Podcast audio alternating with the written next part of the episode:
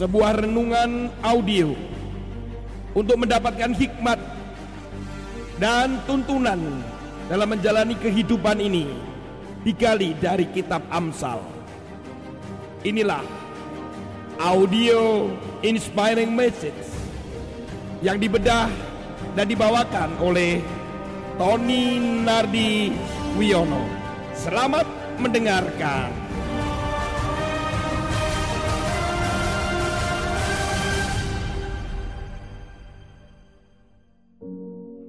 Shalom Bapak Ibu sekalian, saudara kekasih di dalam Tuhan.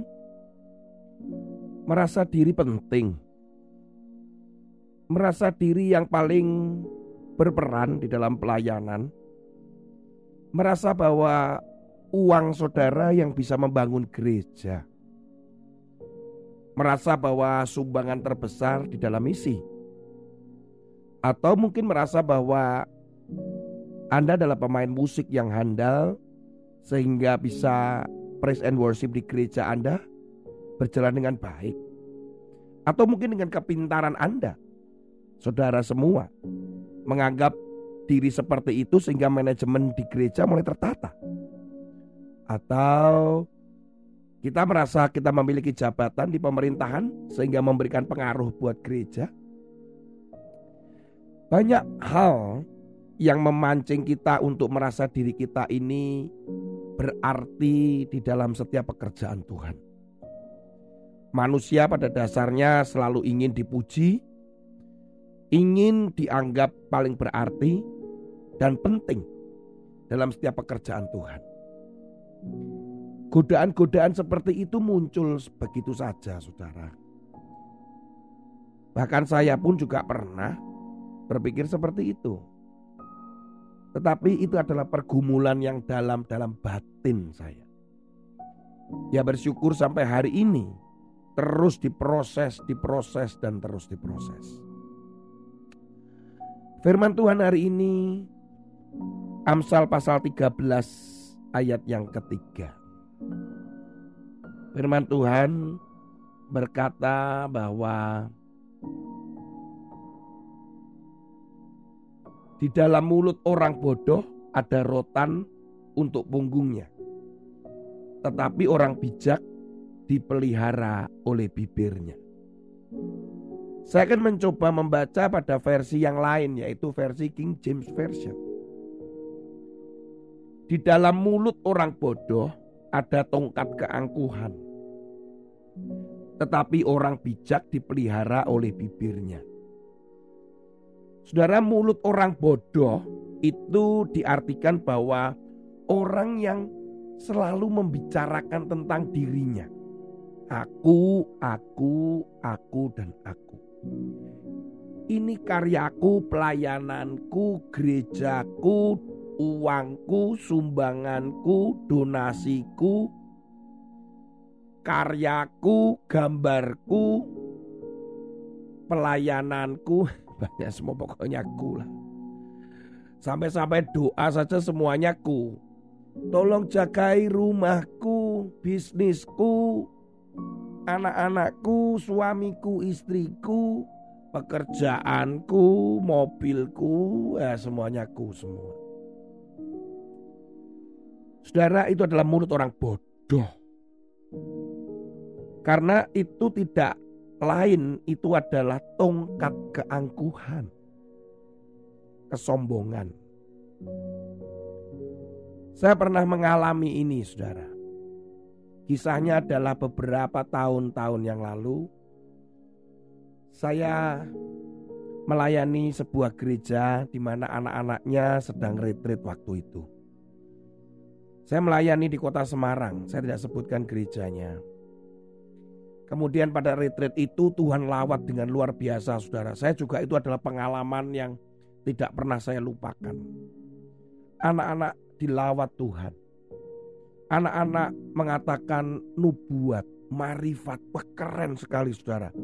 Saya saja yang saat itu setelah menyampaikan firman Tuhan dan kami menyembah bersama-sama. Lawatan Tuhan itu dahsyat sekali. Anak-anak tidak berhenti, mereka menari di dalam roh. Kemudian mereka mulai menyampaikan pesan Tuhan Dan itu tepat sekali. Saudara, pulang dari retreat itu, wah rasanya saudara kayak apa ya? Sombong di dalam diri tapi nggak ngomong. Wah, saya dipakai Tuhan nih. Wah, begitu saudara. Serius. Merasa saya hebat. Merasa bahwa urapan Tuhan itu turun karena saya menyampaikan firman Tuhan kemudian waktu berdoa dan Tuhan lawat. Kurang lebih ada beberapa anak saat itu termasuk anak daripada si gembala.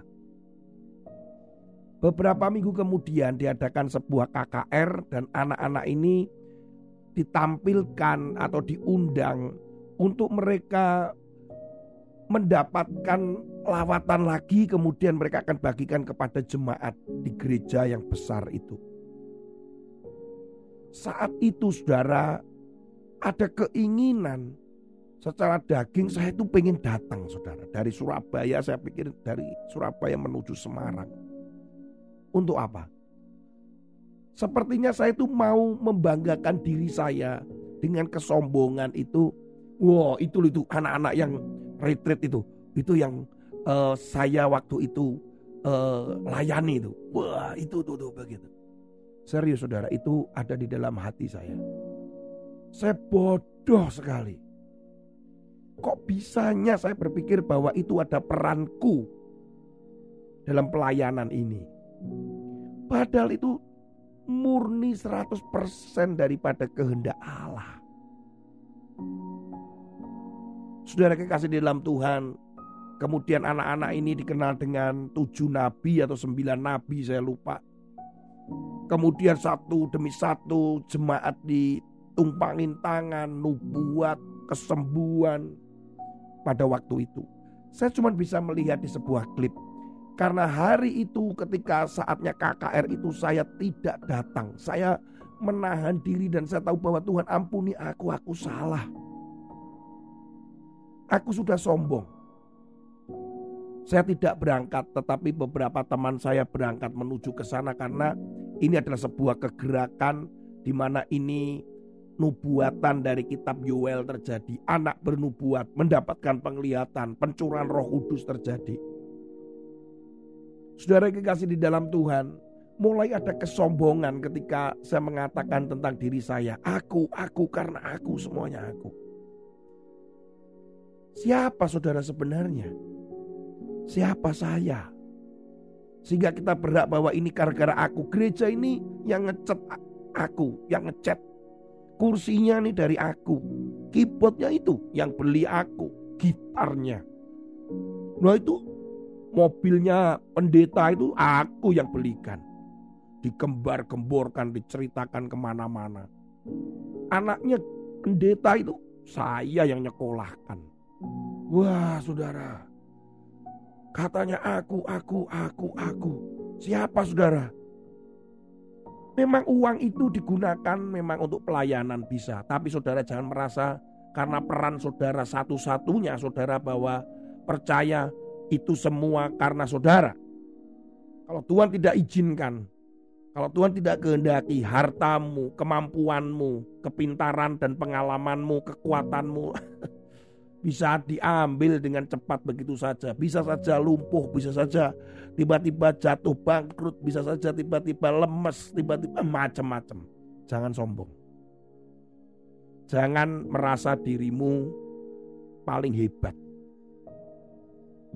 Tuhan bisa melakukan semuanya, tapi Tuhan dengan luar biasa mau memakai saudara dan saya, supaya saudara dan saya belajar dan dekat kepada Dia. Saudara kekasih di dalam Tuhan, kita ini hidup di dalam keakuan. Sedikit-sedikit aku. Saya akan tunjukkan dengan sebuah bukti. Ketika saudara dipuji orang, Misal nih, Pak Tony, Pak Tony jasnya cocok sekali, bagus ya Pak. Kalau saya kemudian mengatakan ah biasa saja kok Pak, wong ini jasnya beli juga dari toko bekas. Nah, serius saudara ya, saya punya jas itu beli dari toko-toko bekas ya. masih bagus sekali. Saya nggak malu mengatakan ini. Karena membuat jas, menjahitkan jas itu berapa saudara mahal sekali. Saya punya jas-jas itu bekas. Ada yang diberi orang, ada yang bekas. Saya jarang sekali, kalau nggak salah saya sekali dua kali cuman beli. Karena itu pun karena menikah, kemudian karena tunangan kayak begitu saudara. Nggak ada spesial untuk beli. Saya nggak malu itu. Tapi ketika ada orang mengatakan misalkan, wah pak jasnya bagus. Kemudian saya bilang, ah biasa saja kok pak ini. Sebenarnya orang ini akan mengulang pujian itu kedua kalinya lagi saudara. Lu bener lu pak itu memang bagus. Kalau saya kemudian untuk kedua kalinya saya ngomong, ah enggak lah pak, ini biasa saja.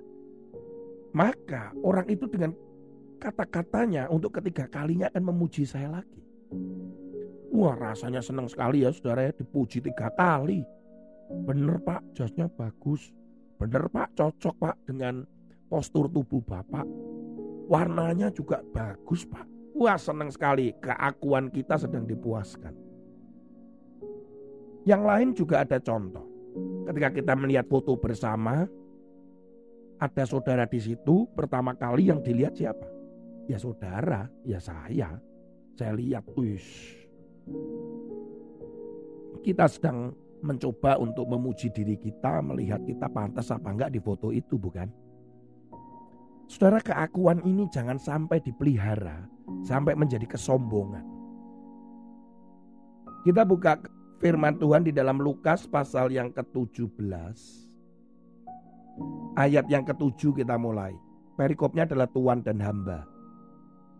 Siapa di antara kamu yang mempunyai seorang hamba yang membaca atau menggembalakan ternak baginya akan berkata kepada hamba itu setelah ia pulang dari ladang, "Mari segera makan." Bukankah sebaliknya ia akan berkata kepada hamba itu, "Sediakanlah makananku, ikatlah pinggangmu dan layanilah aku sampai selesai aku makan dan minum." Dan sesudah itu engkau boleh makan dan minum Adakah ia berterima kasih kepada hamba itu karena hamba itu telah melakukan apa yang ditugaskan kepadanya? Demikian jugalah kamu, apabila kamu telah melakukan segala sesuatu yang ditugaskan kepadamu, hendaklah kamu berkata, "Kami adalah hamba-hamba yang tidak berguna. Kami hanya melakukan apa yang kami harus lakukan." Saudara menuntut terima kasih dari pendeta Saudara menuntut nama saudara dicantumkan di gereja, di plakat bahwa gereja itu saudara yang menyumbang paling besar, kursinya saudara yang kasih, kemudian lantai marmernya saudara yang kasih minta ditulis di pilar. enggak, saudara, enggak. Kalau saya pun ada kesempatan, satu kali ada orang menyumbang saya untuk pembangunan atau apa, saya tidak akan menuliskan itu di mana-mana. Enggak akan saya. Kalau keberatan ya sudah nggak usah nyumbang aja. Memangnya mau apa? Minta diucapin terima kasih dan jadi kesombongan. Malah itu membuat lubang di depannya.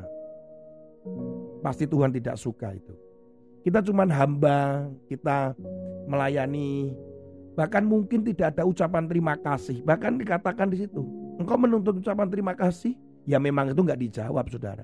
Tapi dengan kata lain apakah kamu mencari ucapan terima kasih? Wah kamu nih hambanya begini nih, wah hebat nih ya kamu hebat. Aish. Makanya saya tuh kadang ya kalau duduk di depan di dalam pelayanan di gereja itu duduk depan sendiri apalagi kursinya kursinya khusus gitu. Saya risih, risih saya, risih. Saya ngomong dulu aja, saya risih.